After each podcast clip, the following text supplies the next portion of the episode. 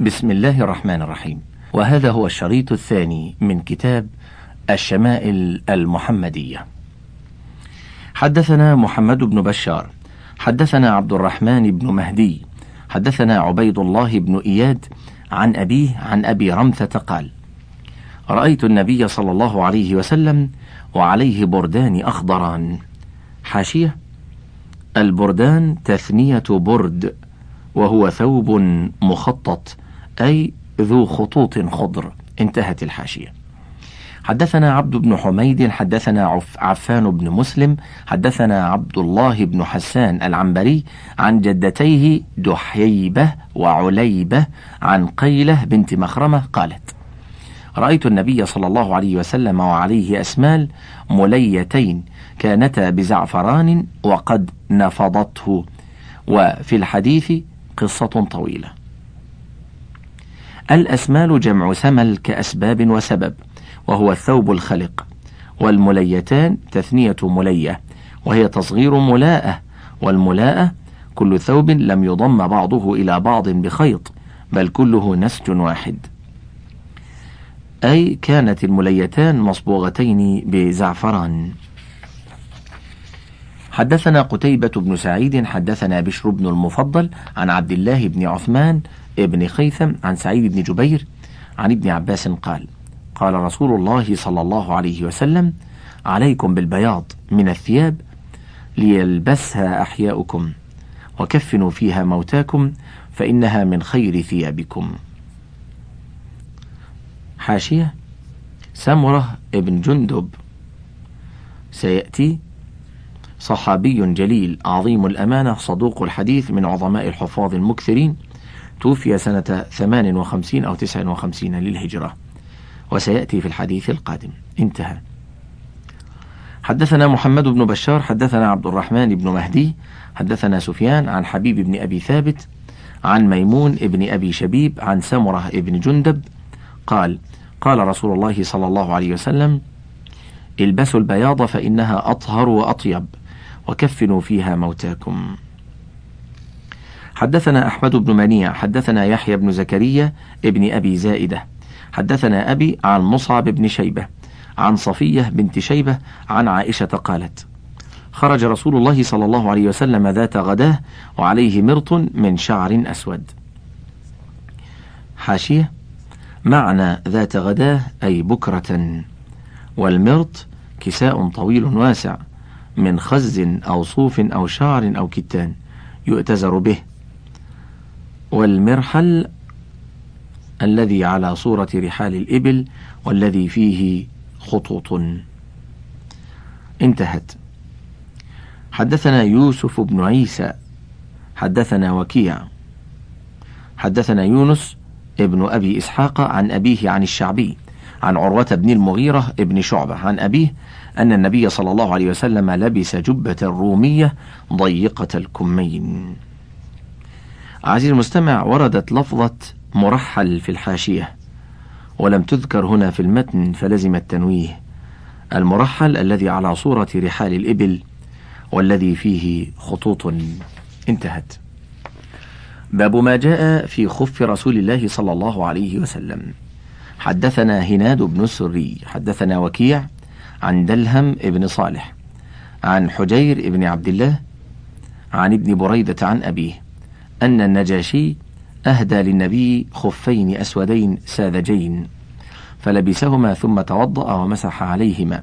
حاشية النجاشي بفتح النون وكسرها لقب ملوك الحبشة وكان اسم النجاشي أصحمة وكان من الملوك الذين دعاهم النبي صلى الله عليه وسلم للإسلام في كتاب أرسله مع عمرو بن أمية الضمري. وكتب إليه يدعوه للإسلام فأسلم سنة ست على قول الأكثر ومات سنة تسع من الهجرة. وقد أخبر النبي صلى الله عليه وسلم أصحابه بموت النجاشي وصلى عليه صلاة الغائب. وقد هاجر إليه المسلمون في صدر الإسلام فأكرم وفادتهم ورد وفد قريش المكون من عمرو بن العاص وصاحبيه دون أن يمس المسلمين بأذى. ساذجين بفتح الذال وكسرها ساذج وساذج. أي خالصين في السواد. انتهت الحاشية. ورد بين هذا الباب والباب الذي قبله باب بعنوان باب ما جاء في عيش رسول الله صلى الله عليه وسلم. ويبدو أن ذلك وقع من فعل النساخ لأن هذا الباب مذكور في آخر الكتاب بتوسع. حدثنا قتيبة بن سعيد حدثنا يحيى بن زكريا بن أبي زائدة عن الحسن بن عياش عن أبي إسحاق عن الشعبي قال قال المغيرة بن شعبة أهدى دحية للنبي صلى الله عليه وسلم خفين فلبسهما. وقال إسرائيل عن جابر عن عامر وجبة فلبسهما حتى تخرقا. لا يدري النبي صلى الله عليه وسلم أذكي هما أم لا. قال أبو عيسى وأبو إسحاق هذا هو أبو إسحاق الشيبي الشيباني واسمه سليمان. حاشية أذكي أي أمذبوح تذكية شرعية أم لا؟ والمعنى لم يعلم أن هذين الخفين كانتا متخذتين من جلد المذكى أم من جلد الميتة المدبوغ أم غير المدبوغ. وفي الحديث أن الأصل في الأشياء المجهولة الطهارة. انتهت. باب ما جاء في نعل رسول الله صلى الله عليه وسلم. حدثنا محمد بن بشار. حدثنا أبو داود الطيالسي. حدثنا همام عن قتادة. قال قلت لأنس بن مالك كيف كان نعل رسول الله صلى الله عليه وسلم؟ قال لهما قبالان. حاشية القبالان تثنية قبال بكسر القاف ويسمى شسع والشسع أحد سيور النعل. فالقبال هو السير الذي يعقد فيه الشسع الذي يكون بين إصبعي الرجل أو الشسع. حاش انتهت الحاشية. حدثنا أبو كريب محمد بن العلاء. حدثنا وكيع عن سفيان عن خالد الحذاء عن عبد الله بن الحارث عن ابن عباس قال كان لنعل رسول الله صلى الله عليه وسلم قبالان مثنى شراكهما. حاشية. بفتح الميم والنون وسكون الثاء من التثنية وهي جعل الشيء اثنين. والشراك هو أحد سيور النعل يكون على وجهها. وفي رواية مثني بدلا من مثنى. انتهت الحاشية. حدثنا أحمد بن منيع ويعقوب بن إبراهيم. حدثنا أبو أحمد الزبيري. حدثنا عيسى بن طهمان. قال أخرج إلينا أنس بن مالك نعلين جرداوين لهما قبالان. قال فحدثني ثابت بعد عن أنس أنهما كانتا نعلي النبي صلى الله عليه وسلم. حاشية جرداوين أي لا شعر عليهما. استعير من أرض جرداء لا نبات فيها. بعد مقطوعة عن الإضافة أي بعد هذا المجلس. أو بعد إخراج أنس النعلين. انتهت الحاشية. حدثنا إسحاق بن موسى الأنصاري. قال حدثنا معا قال حدثنا مالك. حدثنا سعيد بن سعيد المقبري. عن عبيد بن جريح أنه قال لابن عمر رأيتك تلبس النعال السبتية. قال إني رأيت رسول الله صلى الله عليه وسلم يلبس النعال التي ليس فيها شعر ويتوضأ فيها. فأنا أحب أن ألبسها. حاشية. النعال السبتية أي التي لا شعر عليها نسبة للسبت بكسر السين وهو جلود البقر المدبوغة لأن شعرها سبت وسقط عنها بالدباغ. ومراد السائل أن يعرف حكمة اختيار ابن عمر لبس السبتية. وكذلك يتوضأ والرجل في النعل. وقال الثوري معناه أن يتوضأ ويلبسها بعد ورجلاه رطبة. انتهت الحاشية. حدثنا إسحاق بن منصور حدثنا عبد الرزاق عن معمر عن ابن أبي ذئب عن صالح مولى التوأمة عن أبي هريرة قال كان لنعل رسول الله صلى الله عليه وسلم قبالا حدثنا أحمد بن منيع حدثنا أحمد حدثنا سفيان عن السدي قال حدثني من سمع عمرو بن حريت يقول رأيت رسول الله صلى الله عليه وسلم يصلي في نعلين مخصوفتين. حاشية النعلان المخصوفتان أي المخروزتان أو المرقعتان. ويؤخذ من الحديث جواز الصلاة في النعلين. حدثنا إسحاق بن موسى الأنصاري. حدثنا معا حدثنا مالك عن أبي الزناد عن الأعرج عن أبي هريرة. أن رسول الله صلى الله عليه وسلم قال لا يمشين أحدكم في نعل واحدة لينعلهما جميعا أو ليحفهما جميعا. حدثنا قتيبة عن مالك بن أنس عن أبي الزناد نحوه. حاشية. أخرجه البخاري ومسلم وأبو داود في اللباس ومعنى لينعلهما أي ليلبسهما وقوله ليحفهما جميعا أي ليخلعهما جميعا. وفي رواية ليخلعها والأصل ليحفي بهما. حذف الجار اختصارا أو ضمن المجرد معنى المتعدي. انتهت الحاشية. حدثنا إسحاق بن موسى حدثنا معن حدثنا مالك عن أبي الزبير عن جابر أن النبي صلى الله عليه وسلم نهى أن يأكل يعني الرجل بشماله أو يمشي في نعل في نعل واحدة. حدثنا قتيبة عن مالك. حاء أي تحويل السند هنا. وحدثنا إسحاق بن موسى حدثنا معا حدثنا مالك عن أبي الزناد عن الأعرج عن أبي هريرة أن النبي صلى الله عليه وسلم قال إذا انتعل أحدكم فليبدأ باليمين وإذا نزع فليبدأ بالشمال فلتكن اليمنى أولهما تنعل وآخرهما تنزع. حدثنا أبو موسى محمد بن المثنى. حدثنا محمد بن جعفر قال حدثنا شعبة. حدثنا أشعث هو ابن أبي الشعثاء عن أبيه عن مسروق عن عائشة قالت كان رسول الله صلى الله عليه وسلم يحب التيمن ما استطاع في ترجله وتنعله وطهوره. حدثنا محمد بن مرزوق أبو عبد الله. حدثنا عبد الرحمن بن قيس أبو معاوية. حدثنا هشام عن محمد عن أبي هريرة قال كان لنعل رسول الله صلى الله عليه وسلم قبالا وأبي بكر وعمر رضي الله تعالى عنهما وأول من عقد عقدا واحدا عثمان رضي الله عنه. حاشية فعل سيدنا عثمان هذا باتخاذ قبال واحد إشارة إلى بيان الجواز وأن لبسه صلى الله عليه وسلم كان على وجه المعتاد لا على قصد العبادة. وإن أمر الانتعال بقبالين أو بقبال واحد أمر موسع ولكل أن يلبس ما يناسبه وما يلائم أرضه وبيئته. باب ما جاء في ذكر خاتم رسول الله صلى الله عليه وسلم. حدثنا قتيبة بن سعيد وغير واحد عن عبد الله بن وهب عن يونس عن ابن شهاب عن أنس بن مالك قال كان خاتم النبي صلى الله عليه وسلم من ورق وكان فصه حبشيا حاشية الورق بكسر الراء الفضة وتسكن تخفيف الورق. والفص والفص والفص بالفتح والضم والكسر.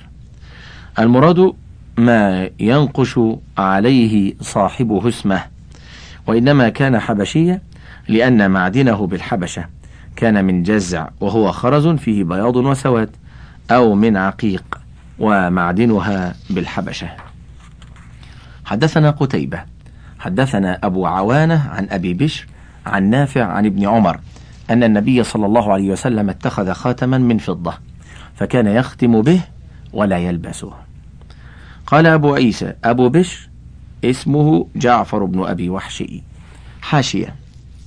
أي يختم به الكتب التي يرسلها للملوك ولا يلبسه في يده لأن هذا ينافي الأخبار الآتية على أنه كان يلبسه في يمينه ولعل المراد أنه لا يلبسه دائما بل غبا انتهت الحاشية. حدثنا محمود بن غيلان قال حفص بن عمر ابن عبيد هو الطنافسي. حدثنا زهير أبو خيثمة. عن حميد عن أنس بن مالك قال كان خاتم النبي صلى الله عليه وسلم من فضة فصه منه. حدثنا إسحاق بن منصور حدثنا معاذ بن هشام حدثني أبي عن قتادة عن أنس بن مالك قال لما أراد رسول الله صلى الله عليه وسلم أن يكتب إلى العجم قيل له إن العجم لا يقبلون إلا كتابا عليه خاتم. فاصطنع خاتما فكأني أنظر إلى بياضه في كفه. حدثنا محمد بن يحيى حدثنا محمد بن عبد الله الأنصاري حدثني أبي عن ثمامة عن أنس بن مالك قال كان نقش خاتم رسول الله صلى الله عليه وسلم محمد سطر ورسول سطر والله سطر. حدثنا نصر بن علي الجهضمي أبو عمرو حدثنا نوح بن قيس عن خالد بن قيس عن قتادة عن أنس بن مالك أن النبي صلى الله عليه وسلم كتب إلى كسرى وقيصر والنجاشي فقيل له إنهم لا يقبلون كتابا إلا بخاتم. فصاغ رسول الله صلى الله عليه وسلم خاتما حلقته فضة ونقش فيه محمد رسول الله. حدثنا إسحاق بن منصور حدثنا سعيد بن عامر والحجاج بن منهال عن همام عن ابن جريج عن الزهري عن أنس أن النبي صلى الله عليه وسلم كان إذا دخل الخلاء نزع خاتمه. حدثنا إسحاق بن منصور حدثنا عبد الله بن نمير حدثنا عبد الله بن عمر عن نافع عن ابن عمر قال اتخذ رسول الله صلى الله عليه وسلم خاتما من ورق فكان في يده ثم كان في يد أبي بكر ويد عمر ثم كان في يد عثمان حتى وقع في بئر أريس نقشه محمد رسول الله. حاشية. أريس بفتح الهمزة وكسر الراء بوزن أمير بالصرف وعدمه. أريس وأريس. هي بئر بحديقة قريبة من مسجد قباء. ونسب إلى رجل من اليهود اسمه أريس وهو الفلاح بلغة أهل الشام.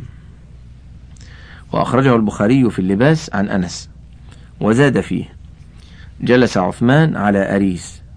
قال فأخرج الخاتم فجعل يعبث به فسقط. قال فاختلفنا ثلاثة أيام مع عثمان ننزح البئر فلم نجده. ومسلم في اللباس برقم أربعة وخمسين وهكذا. انتهت. باب ما جاء في تختم رسول الله صلى الله عليه وسلم. حدثنا محمد بن سهل بن عسكر البغدادي وعبد الله بن عبد الرحمن. قال أخبرنا يحيى بن حسان حدثنا سليمان بن بلال عن شريك بن عبد الله بن أبي نمر عن إبراهيم بن عبد الله بن حنين عن أبيه عن علي بن أبي طالب رضي الله عنهم أن النبي صلى الله عليه وسلم كان يلبس خاتمه في يمينه. حدثنا محمد بن يحيى حدثنا أحمد بن صالح حدثنا عبد الله بن وهب عن سليمان بن بلال عن شريك بن عبد الله بن أبي نمر نحوه. حدثنا أحمد بن منيع حدثنا يزيد بن هارون عن حماد بن سلمة قال رأيت ابن أبي رافع يتختم في يمينه. فسألته عن ذلك فقال رأيت عبد الله بن جعفر يتختم في يمينه. وقال عبد الله بن جعفر كان رسول الله صلى الله عليه وسلم يتختم في يمينه.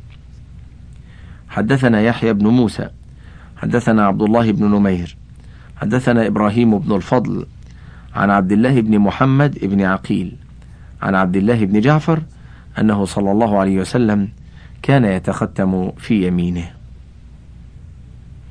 حدثنا أبو الخطاب زياد بن يحيى حدثنا عبد الله بن ميمون عن جعفر بن محمد عن أبيه عن جابر بن عبد الله أن النبي صلى الله عليه وسلم كان يتختم في يمينه. حدثنا محمد بن حميد الرازي. حدثنا جرير عن محمد بن إسحاق. عن الصلت بن عبد الله قال كان ابن عباس يتختم في يمينه ولا إخاله إلا قال كان رسول الله صلى الله عليه وسلم يتختم في يمينه. إخاله بكسر الهمزة أي أظنه والقائل هو الصلت. حدثنا ابن أبي عمر حدثنا سفيان عن أيوب بن موسى عن نافع عن ابن عمر أن النبي صلى الله عليه وسلم اتخذ خاتما من فضة وجعل فصه مما يلي كفه ونقش فيه محمد رسول الله ونهى أن ينقش أحد عليه وهو الذي سقط من معيقيب في بئر أريس. حاشية معيقيب بضم الميم وفتح العين تصغير معقاب كمفضال. أسلم قديما وشهد بدرا وهاجر إلى الحبشة. وكان يلي خاتم النبي صلى الله عليه وسلم. واستعمله أبو بكر وعمر وعثمان على بيت المال. انتهت الحاشية. حدثنا عبد الله بل حدثنا قتيبة بن سعيد. حدثنا حاتم بن إسماعيل عن جعفر بن محمد. عن أبيه قال كان الحسن والحسين يتختمان في يسارهما. حاشية؟ وأخرجه الترمذي في اللباس وعن ابن عمر عند أبي داود أن النبي صلى الله عليه وسلم كان يتختم في يساره وكان فصه في بطن كفه ويحمل فعل الحسن والحسين على اقتدائهما بالنبي صلى الله عليه وسلم فإنه فعله في آخر أمره. انتهت الحاشية.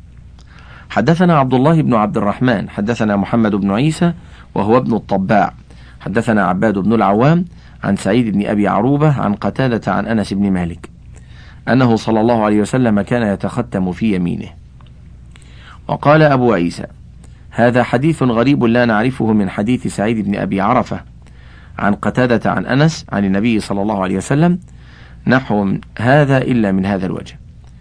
وروى بعض أصحاب قتادة عن قتادة عن أنس بن مالك عن النبي صلى الله عليه وسلم أنه كان يتختم في يساره وهو حديث لا يصح أيضا. حدثنا محمد بن عبيد الله المحاربي. حدثنا عبد العزيز بن أبي حازم عن موسى بن عقبة عن نافع بن عمر قال اتخذ رسول الله صلى الله عليه وسلم خاتما من ذهب فكان يلبسه في يمينه فاتخذ الناس خواتيم من ذهب. فطرحه صلى الله عليه وسلم وقال لا ألبسه أبدا. فطرح الناس خواتيمهم. حاشية؟ هذا الحديث يدل على تحريم خاتم الذهب للرجل ونسخ حله. وهذه الأحاديث تدل على أن الغالب وتختم الرسول صلى الله عليه وسلم باليمين.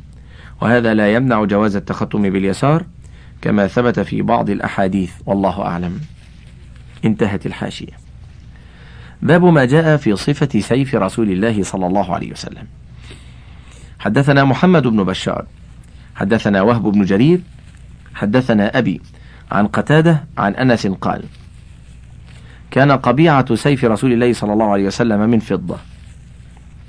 حدثنا محمد بن بشار حدثنا معاذ بن هشام.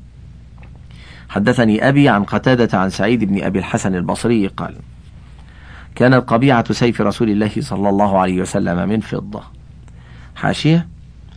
القبيعة بفتح القاف ما على رأس مقبض مقبض السيف من فضة أو حديد أو غيره. وقائم السيف مقبضه. وكان للنبي صلى الله عليه وسلم تسعة أسياف. لكل واحد اسم خاص منها ذو الفقار بكسر الفاء وفتحها.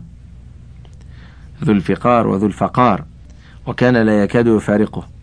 ودخل يوم فتح مكة وسمي ذا الفقار لأن في ظهره فقرات كفقرات الظهر غنمه عليه الصلاة والسلام من بدر.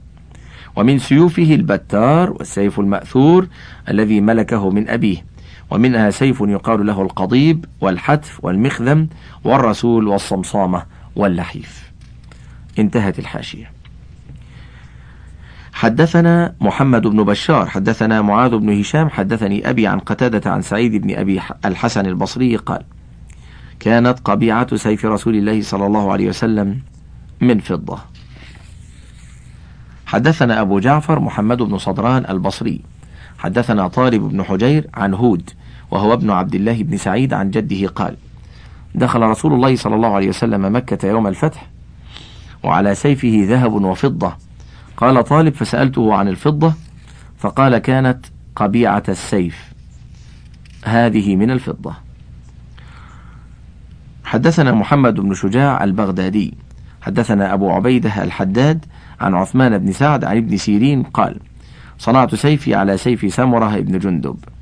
وزعم سمرة أنه صنع سيفه على سيف رسول الله صلى الله عليه وسلم وكان حنفيا.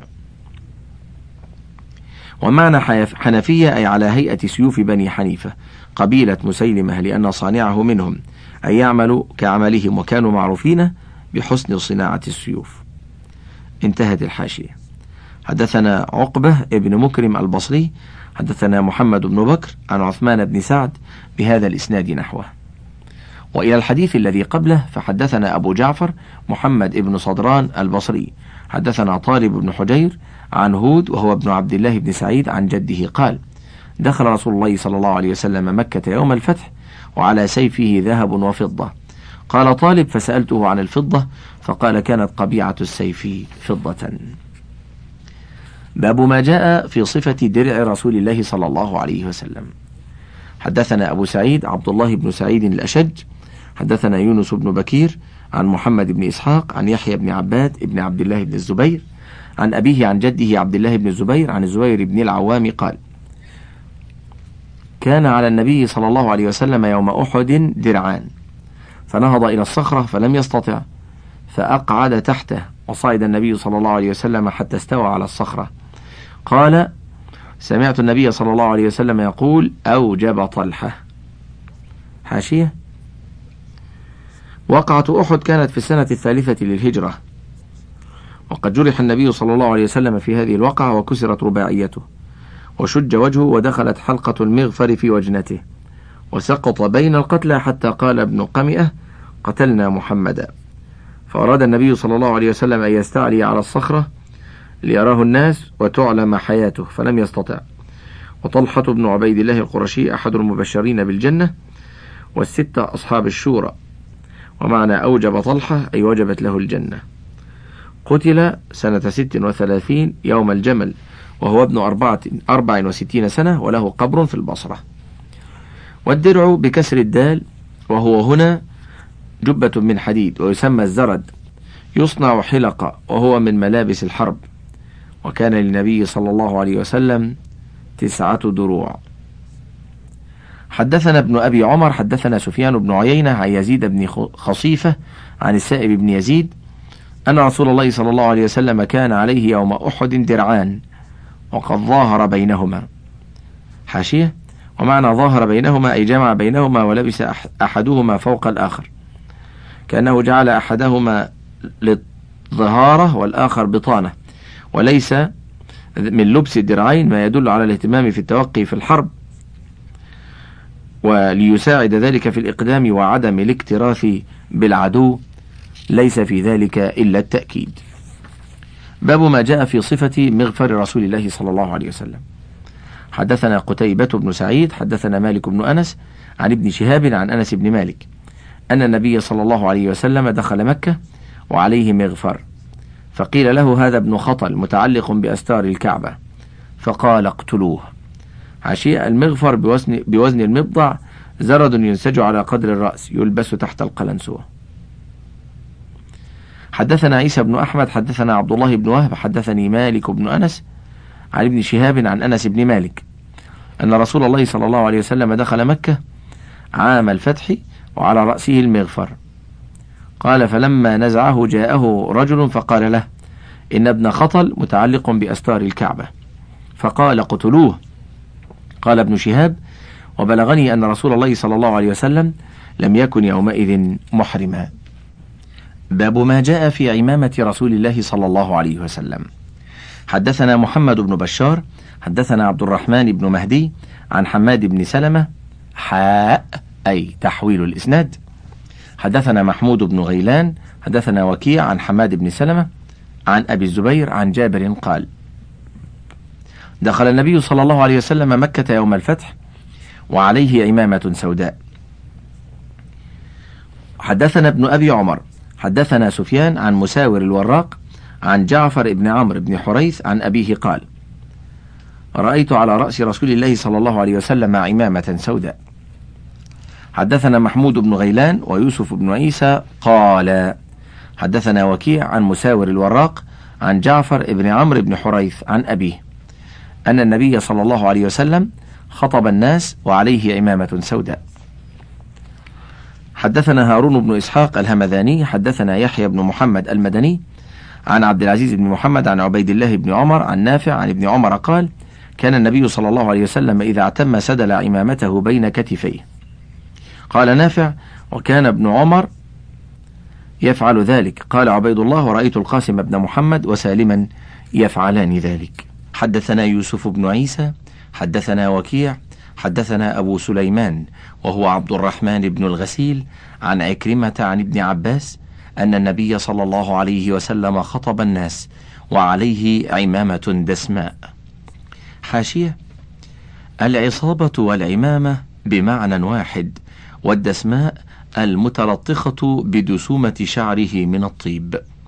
وابن الغسيل هو عبد الرحمن ابن الغسيل، والغسيل هو حنظلة، ولقب بالغسيل لأنه كان جنب حين سمع نفير أحد فخرج مسرعا قبل أن يغتسل فلما استشهد رأى النبي النبي صلى الله عليه وسلم الملائكة تغسله غسل الجنابة. انتهى. باب ما جاء في صفة إزار رسول الله صلى الله عليه وسلم. حدثنا أحمد بن منيع، حدثنا إسماعيل بن إبراهيم، حدثنا أيوب عن حميد بن هلال، عن أبي بردة عن أبيه قال: خرجت إلينا عائشة رضي الله عنها كساء ملبدا وإزارا غليظا فقالت قبض روح رسول الله صلى الله عليه وسلم في هذين حاشية الملبدة المرقعة أو التخينة التي صارت كاللبدة والإزار بكسر الهمزة الملحفة والمراد بالإزار ما يستر أسفل البدن والرداء ما يستر أعلى البدن. حدثنا محمود بن غيلان حدثنا أبو داود عن شعبة عن الأشعث ابن سليم قال سمعت عمتي تحدث عن عمها قال بين أنا أمشي في المدينة إذا إنسان خلفي يقول ارفع إزارك فإنه أتقى وأبقى فإذا هو رسول الله صلى الله عليه وسلم.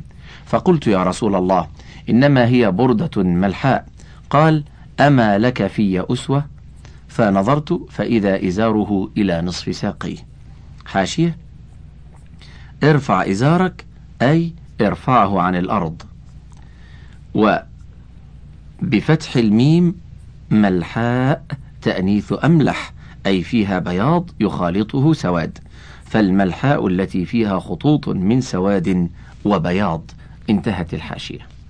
حدثنا سويد بن نصر حدثنا عبد الله بن المبارك عن موسى بن عبيدة عن إياس بن سلمة بن الأكوع عن أبيه قال كان عثمان بن عفان يأتزر إلى أنصاف ساقيه وقال هكذا كانت إزرة صاحبي يعني النبي صلى الله عليه وسلم.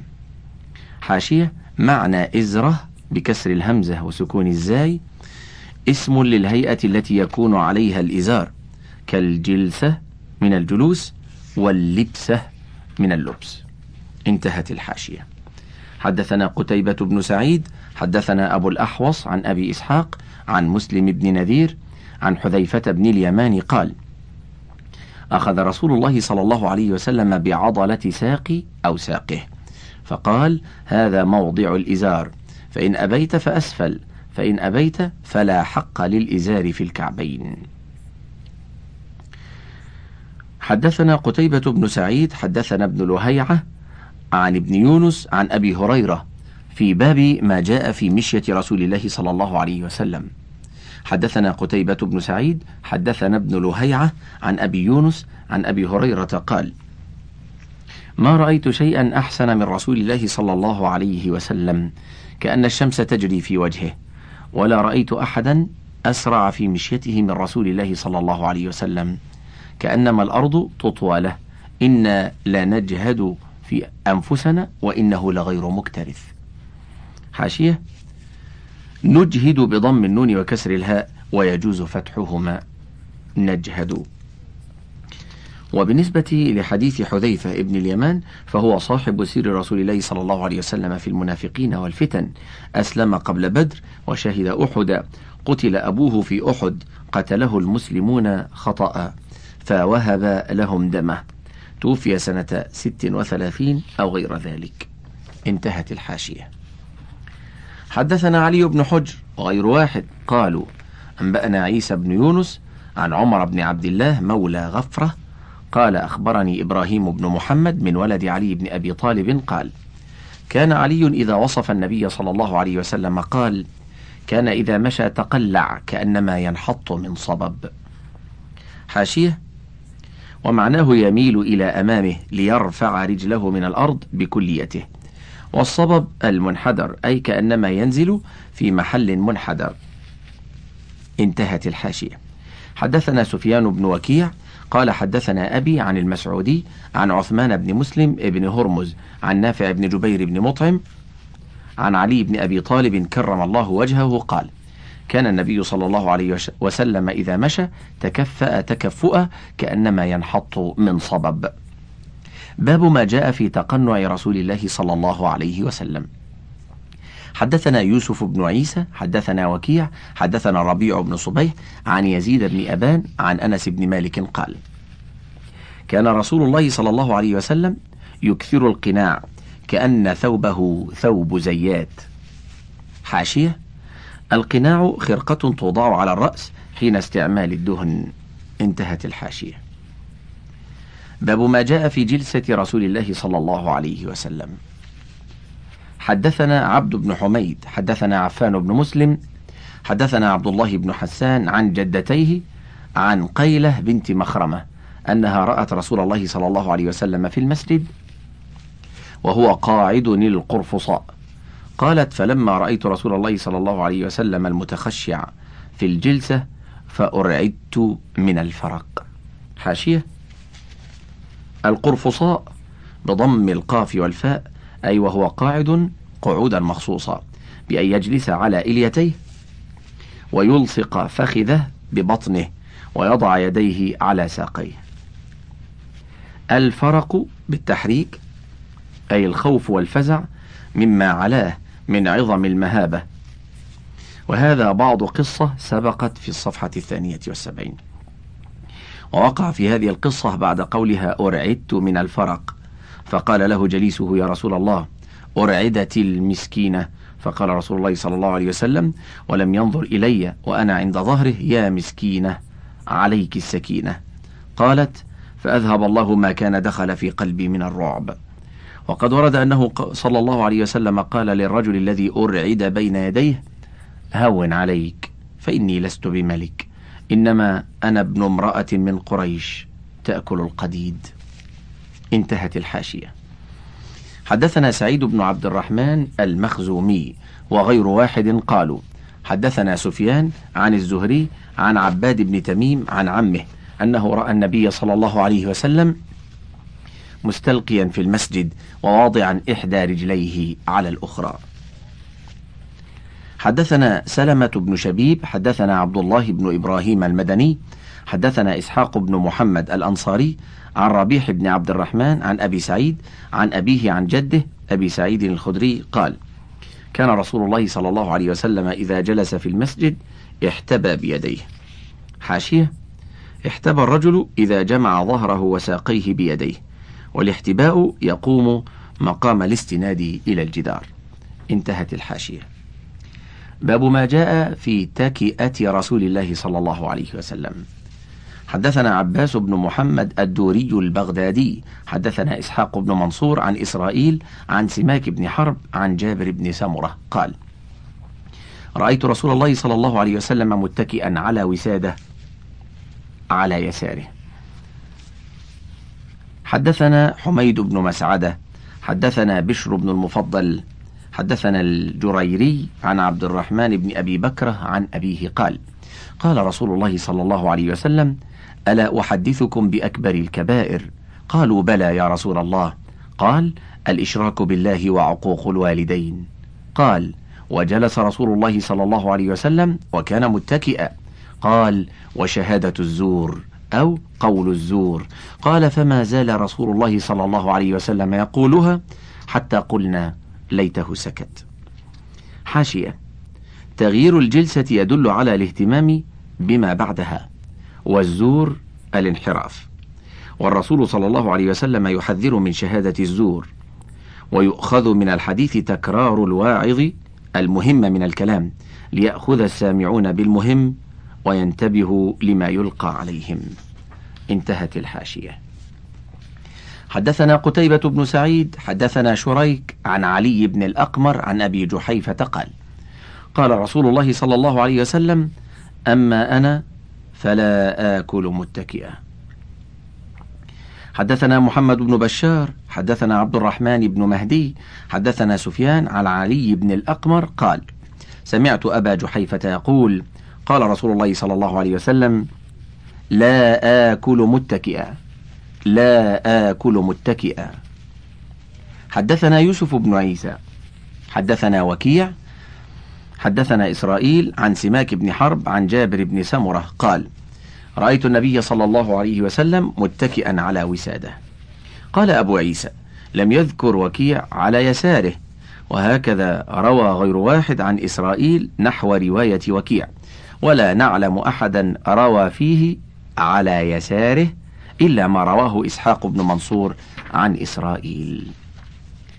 باب ما جاء في اتكاء رسول الله صلى الله عليه وسلم. حاشية. المراد بهذا الباب اتكاء النبي صلى الله عليه وسلم على أحد من أصحابه حالة المشي لعارض مرض أو نحوه. أما الباب السابق فكان في اتكاء النبي صلى الله عليه وسلم حال الجلوس. انتهى. حدثنا عبد الله بن عبد الرحمن حدثنا عمرو بن عاصم حدثنا حماد بن سلمة عن حميد عن أنس أن النبي صلى الله عليه وسلم كان شاكيا. حاشية؟ أي مريضا. انتهى.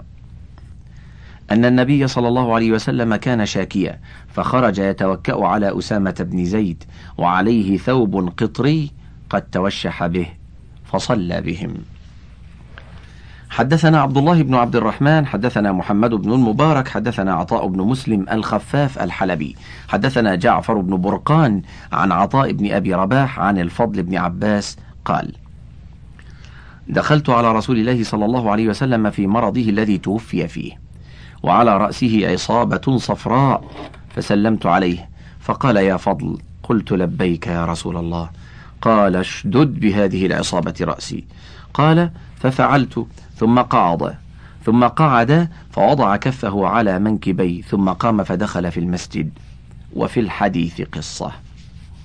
حاشية الفضل بن عباس صحابي مشهور. ابن عم النبي صلى الله عليه وسلم ورديفه بعرفة وهو أكبر أولاد العباس. وكلامه عن شد العصابة على رأسه صلى الله عليه وسلم ذلك ليسكن الألم بالشد فيخف. فوضع كفه على منكبي أي عند إرادة القيام ليقوم. وهذا وجه مناسبة الحديث للاتكاء. وهي أنه صاعد المنبر أي القصة. حين قال وفي الحديث قصة. وهي أنه صلى الله عليه وسلم صعد المنبر وأمر بنداء الناس وحمد الله وأثنى عليه والتمس من المسلمين أن يطلبوا منه حقوقهم. وستأتي هذه القصة في باب وفاته صلى الله عليه وآله وسلم. باب ما جاء في صفة أكل رسول الله صلى الله عليه وآله وسلم. حدثنا محمد بن بشار حدثنا عبد الرحمن بن مهدي عن سفيان عن سعد بن إبراهيم عن ابن لكعب بن مالك عن أبيه. أن النبي صلى الله عليه وسلم كان يلعق أصابعه ثلاثة. قال أبو عيسى روى غير محمد بن بشار هذا الحديث. قال يلعق أصابعه الثلاثة. حاشية لعق الأصابع أي لحسها. انتهى. حدثنا الحسن بن علي الخلال. حدثنا عفان حدثنا حماد بن سلمة. عن ثابت عن أنس قال كان النبي صلى الله عليه وسلم إذا أكل طعاما لعق أصابعه الثلاث. حدثنا الحسين بن علي بن يزيد الصدائي البغدادي. حدثنا يعقوب بن إسحاق يعني الحضرمي. حدثنا شعبة عن سفيان الثوري عن علي بن الأقمر عن عن أبي جحيفة قال قال النبي صلى الله عليه وسلم أما أنا فلا آكل متكئا. حدثنا محمد بن بشار حدثنا عبد الرحمن بن مهدي حدثنا سفيان عن علي بن الأقمر نحوه. حدثنا هارون بن إسحاق الهمداني حدثنا عبدة بن سليمان عن هشام بن عروة عن ابن لكعب بن مالك عن أبيه قال كان رسول الله صلى الله عليه وسلم يأكل بأصابعه الثلاث ويلعقهن. حدثنا أحمد بن منيع حدثنا الفضل بن دكين حدثنا مصعب بن سليم قال سمعت أنس بن مالك يقول أوتي رسول الله صلى الله عليه وسلم بتمر فرأيته يأكل وهو مقع من الجوع. حاشية مقع اسم فاعل من الإقعاء أي متساند إلى ما وراءه من الضعف الحاصل له بسبب الجوع.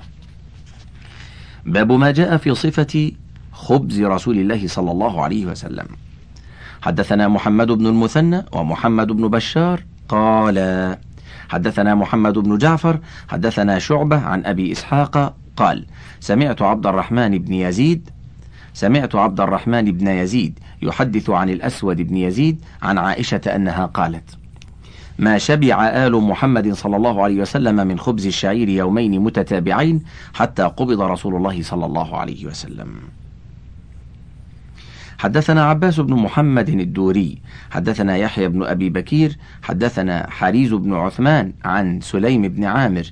قال سمعت أبا أمامة الباهلي يقول ما كان يفضل عن أهل بيت رسول الله صلى الله عليه وسلم. خبز الشعير. حاشية أبو أمامة الباهلي صحابي مشهور سكن الشام قيل هو آخر من مات بها من الصحب. انتهت الحاشية. حدثنا عبد الله بن معاوية الجمحي. حدثنا ثابت بن يزيد عن هلال بن خباب عن عكرمة عن ابن عباس قال كان رسول الله صلى الله عليه وسلم يبيت الليالي المتتابعة طاويا هو وأهله لا يجدون عشاء وكان أكثر خبزهم خبز الشعير. حدثنا عبد الله بن عبد الرحمن حدثنا عبيد الله ابن عبد المجيد الحنفي. حدثنا عبد الرحمن ابن عبد الله بن دينار. حدثنا أبو حازم عن سهل بن سعد أنه قيل له أكل رسول الله صلى الله عليه وسلم النقي يعني الحوار. فقال سهل ما رأى رسول الله صلى الله عليه وسلم النقي حتى لقي الله عز وجل؟ فقيل له هل كانت لكم مناخل على عهد رسول الله صلى الله عليه وسلم؟ قال ما كانت لنا مناخل. قيل كيف كنتم تصنعون بالشعير؟ قال كنا ننفخه فيطير منه ما طار ثم نعجنه. حاشية الحوار الدقيق الأبيض وهو لباب الدقيق المعجم الوسيط. انتهت الحاشية. حدثنا محمد بن بشار. حدثنا معاذ بن هشام. قال حدثني أبي عن يونس عن أنس بن مالك قال ما أكل نبي الله صلى الله عليه وسلم على خوان ولا في سكرجة ولا خبز له مرقق. قال فقلت لقتادة فعلى ما كانوا يأكلون؟ قال على هذه السفر. قال محمد بن بشار يونس هذا الذي روى عن قتادة هو يونس الإسكاف. حاشية الخوان بكسر الخاء ويضم الخوان. وهو مرتفع يهيأ ليؤكل الطعام عليه. السكرجة بضم السين والكاف والراء المشددة وهي إناء صغير يوضع فيه الشيء القليل المشهي للأكل كالسلطة والمخلل. السكرجة والسفر بضم السين المشددة جمع سفرة وهي أخص من المائدة وهي ما يمد ويبسط ليؤكل عليه. سواء كان من الجلد أو الثياب. انتهت الحاشية. حدثنا أحمد بن منيع حدثنا عباد بن عباد المهلبي عن مجالد عن الشعبي عن مسروق قال دخلت على عائشة فدعت لي بطعام وقالت ما أشبع من طعام فأشاء أن أبكي إلا بكيت. قال قلت لما قالت أذكر الحال التي فارق عليها رسول الله صلى الله عليه وسلم الدنيا. والله ما شبع من خبز ولحم مرتين في يوم. حدثنا محمود بن غيلان حدثنا أبو داود قال حدثنا شعبة عن أبي إسحاق قال سمعت عبد الرحمن بن يزيد يحدث عن الأسود ابن يزيد عن عائشة قالت ما شبع رسول الله صلى الله عليه وسلم من خبز الشعير يومين متتابعين حتى قبض. حدثنا عبد الله بن عبد الرحمن حدثنا عبد الله بن عمرو أبو معمر حدثنا عبد الوارث عن سعيد بن أبي عروبة عن قتادة عن أنس قال ما أكل رسول الله صلى الله عليه وسلم على خوان ولا أكل خبزا مرققا حتى مات. باب ما جاء في إدام رسول الله صلى الله عليه وسلم. حدثنا محمد بن سهل بن عسكر وعبد الله بن عبد الرحمن قال حدثنا يحيى بن حسان حدثنا سليمان بن بلال عن هشام بن عروة عن أبيه عن عائشة. أن رسول الله صلى الله عليه وسلم قال نعم الإدام الخل قال عبد الله بن عبد الرحمن في حديثه نعم الإدام أو الأدام الخل حدثنا قتيبة حدثنا أبو الأحوص عن سماك بن حرب قال سمعت النعمان بن بشير يقول ألستم في طعام وشراب ما شئتم؟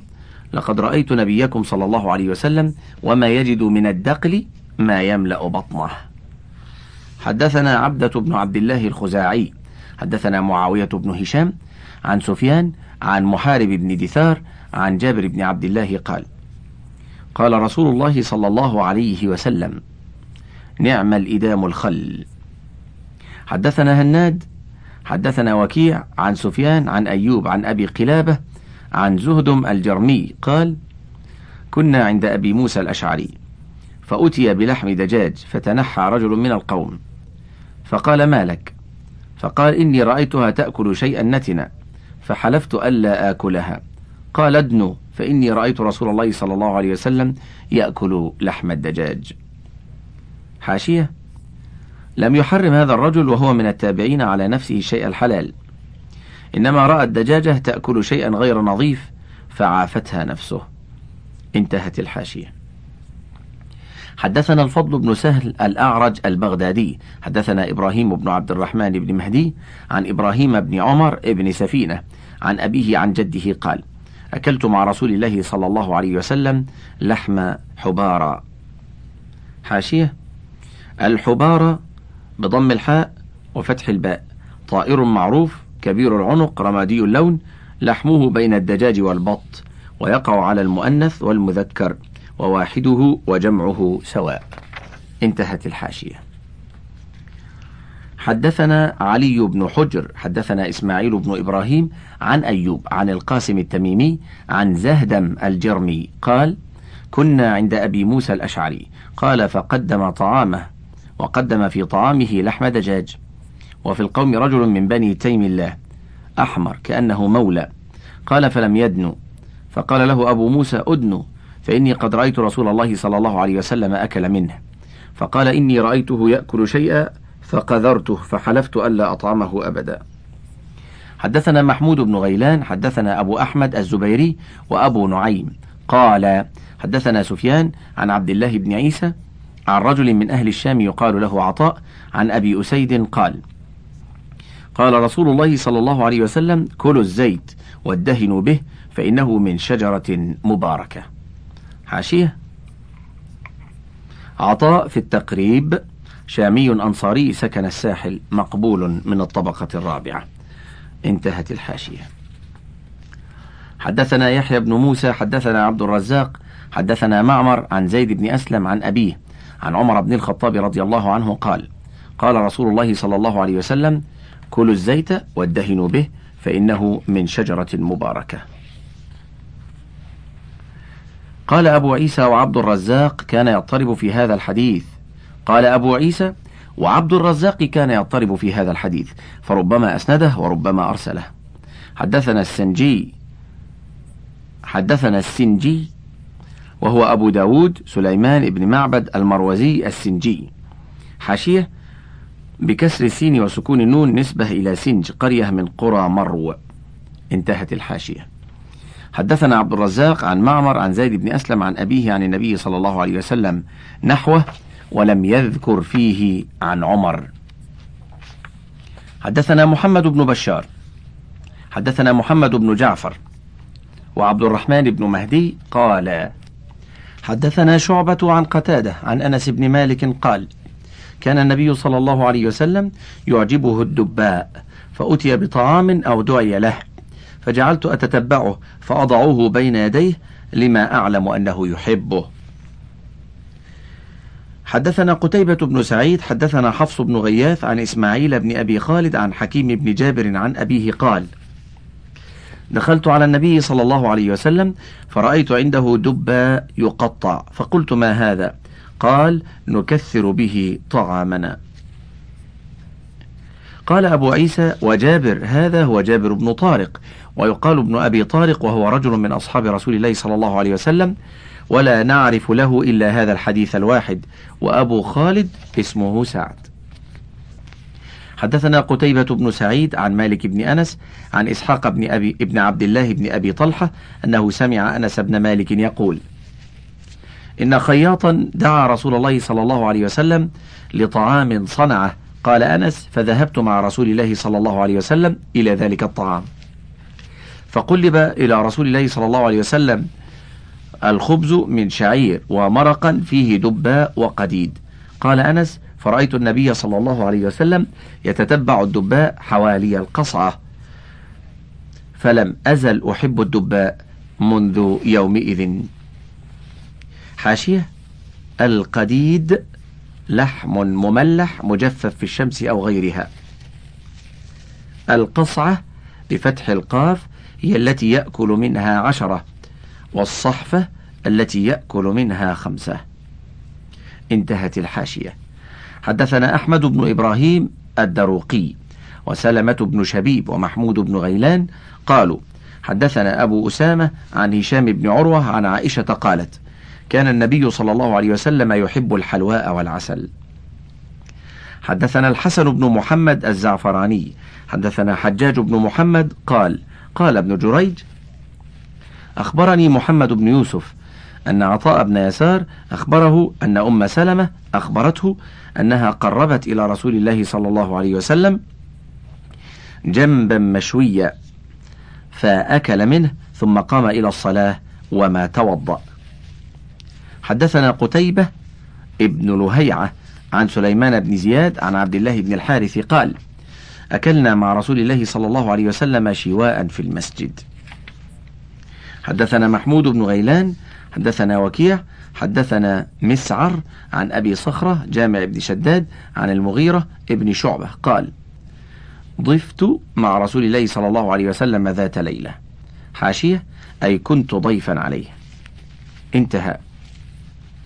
فأتي بجنب مشوي. حاشية. الجنب المشوي أي قطعة من اللحم المشوي. انتهى. ثم أخذ الشفرة فجعل يحز فحز لي بها منه.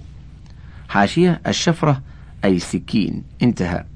قال أي قال المغيرة فجاء بلال يؤذنه بالصلاة. فألقى الشفرة فقال ما له؟ تربت يداه. قال وكان شاربه قد وفى. حاشية يؤذنه أي يعلمه بوقتها وتربت بفتح التاء وكسر الراء. اعتادت العرب استعمالها غير قاصدة لحقيقة معناها لأن أصلها افتقرت. فيذكرون تربت يداك وقاتله الله وغيره. يقولونها عند إنكار الشيء أو الزجر عنه أو العزم عليه أو استعظامه أو الحث عليه أو الإعجاب به. والله أعلم. انتهت الحاشية. وانتهى الشريط الثاني من الشمائل المحمدية وله بقية على الشريط الثالث.